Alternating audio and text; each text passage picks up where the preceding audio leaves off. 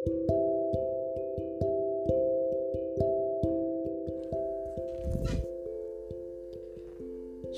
Bapak Ibu, Saudara-saudara yang dikasih oleh Tuhan. Kembali lagi kita akan belajar firman Tuhan dari seri kitab Ayub. Pada hari ini kita akan membahas Ayub pasal yang ke-17 Dan kita akan memfokuskan pembacaan pada ayat yang ke-9 Demikianlah firman Tuhan Meskipun begitu orang yang benar tetap pada jalannya Dan orang yang bersih tangannya bertambah-tambah kuat Berbahagialah setiap orang yang membaca, merenungkan, dan melakukan firman Tuhan dalam kehidupan sehari-hari. Bapak Ibu Saudara-saudari, pasal 17 merupakan kesatuan dari pasal 16 yang memuat tentang keluhan yang disampaikan Ayub kepada Allah. Kita tentunya sudah mengetahui bagaimana Allah mencobai Ayub dengan berbagai macam cobaan. Keadaan yang sangat berat dan memilukan dialami oleh Ayub sehingga ia menjadi mengeluh atau membuat ia mengeluh kepada Allah. Saya mencoba memposisikan diri seperti posisi Ayub. Jika saya mengalami, saya tidak tahu respon apa yang saya lakukan. Bagaimana dengan saudara? Apakah saudara akan seperti Ayub?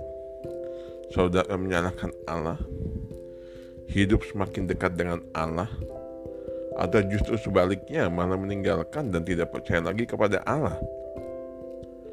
Ayub kehilangan segalanya yang membuat dia sendirian dan berfokus kepada Allah saja. Ayub menjalani kehidupannya dengan Allah hingga akhirnya ia dipulihkan.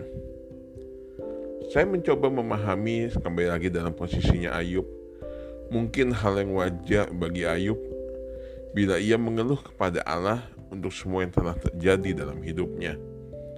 Dulu ia orang yang sangat kaya raya. Pasal 1 ayat 3 menuliskan bahwa Ayub merupakan orang yang terkaya dari orang di sebelah timur pada waktu itu. Namun dalam sekejap semuanya lenyap. Selain itu, ia harus kehilangan anak-anak yang dikasihinya dalam waktu yang bersamaan. Ayub juga kehilangan dukungan dari istrinya. Seorang istri yang seharusnya menjadi penolong, seorang istri yang seharusnya menjadi pendamping, tetapi yang ada justru malah menyalahkan Ayub Begitu juga dengan teman-teman Ayub yang kelihatannya perhatian, justru semakin membebani Ayub dengan tuduhan-tuduhannya bahwa Ayub telah berdosa, bahwa Allah telah marah dan menghukum Ayub sehingga ia menderita. Dalam keluhannya di pasal 16, Ayub melihat bahwa dirinya tetap benar di hadapan Allah sebagai orang yang mempercayai Allah, Ayub siap menerima hal yang baik dan buruk dalam kehidupannya. Kalau kita lihat dalam pasal 17 ayat 9 yang kita baca tadi, tertulis meskipun orang yang benar tetap pada jalannya, orang yang bersih tangannya bertambah-tambah kuat. Ayat ini menunjukkan keyakinan yang dimiliki Ayub bahwa Allah akan menyertai orang benar walaupun harus terlebih dahulu mengalami penderitaan. Ayub menyadari penderitaan yang dialaminya dia izinkan oleh Allah untuk menekan dirinya, tetapi bukan karena ia melakukan kesalahan. Artinya Ayub memiliki semangat dalam hidupnya Meskipun keadaan situasi yang dialaminya begitu berat, meskipun sahabat-sahabatnya secara khusus menyalahkan dan memojokkan dia, Ayub percaya bahwa Allah akan membela dirinya. Dan diucapkan oleh sahabat-sahabatnya itu adalah hal yang salah. Tuduhan yang diberikan oleh sahabatnya kepada Ayub merupakan hal yang keliru.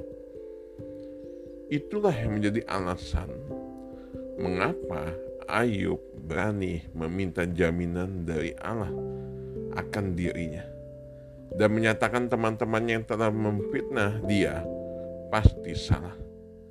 Kita bisa melihat di dalam pasal 9 ayat 3 sampai dengan ayat yang kelima. Yang menjadi pertanyaannya adalah Bapak Ibu bagaimana dengan kita pada saat ini? Kembali lagi saya bertanya bagaimana jika kita berada di posisi Ayub Penting bagi kita untuk memiliki semangat dalam menjalani hidup.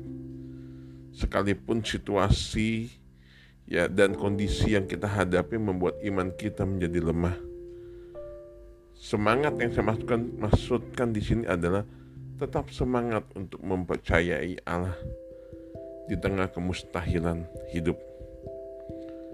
Seperti mungkin Bapak Ibu yang sakit sekian lama belum belum sembuh-sembuh atau bapak ibu yang membutuhkan atau kesulitan dalam ekonomi tetapi masih sulit saja hidupnya. Seperti tidak ada tanda-tanda pertolongan Tuhan. Atau bapak ibu atau saudara-saudara yang masih muda melihat bahwa masa depan ini tidak ada harapan. Atau masih banyak contoh yang lainnya. Saya percaya jika Ayub dia memiliki semangat kita pun juga harus demikian. Kita harus tetap memiliki semangat, yaitu untuk tetap mempercayai Allah di tengah kemustahilan hidup. Walaupun sekali lagi saya katakan situasi dan kondisinya tidak mendukung, walaupun manusia mungkin secara pikiran kita tidak mungkin, tetapi marilah kita tetap semangat untuk mempercayai Allah.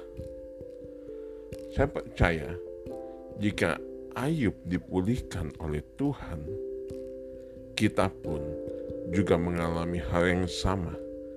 Dipulihkan Tuhan dalam bidang kehidupan, dalam berbagai macam aspek kehidupan kita, dalam kesehatan, ekonomi, rumah tangga, pendidikan, masa depan, dan berbagai macam bidang lainnya. Kiranya apa yang dialami oleh Ayub juga terjadi dalam hidup kita. Ayub tetap semangat mempercayai Allah, kita pun demikian.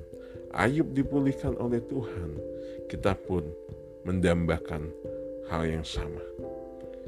Kiranya Tuhan menolong kita untuk tetap bersemangat dalam menjalani hidup ini dan tetap mempercayai Allah.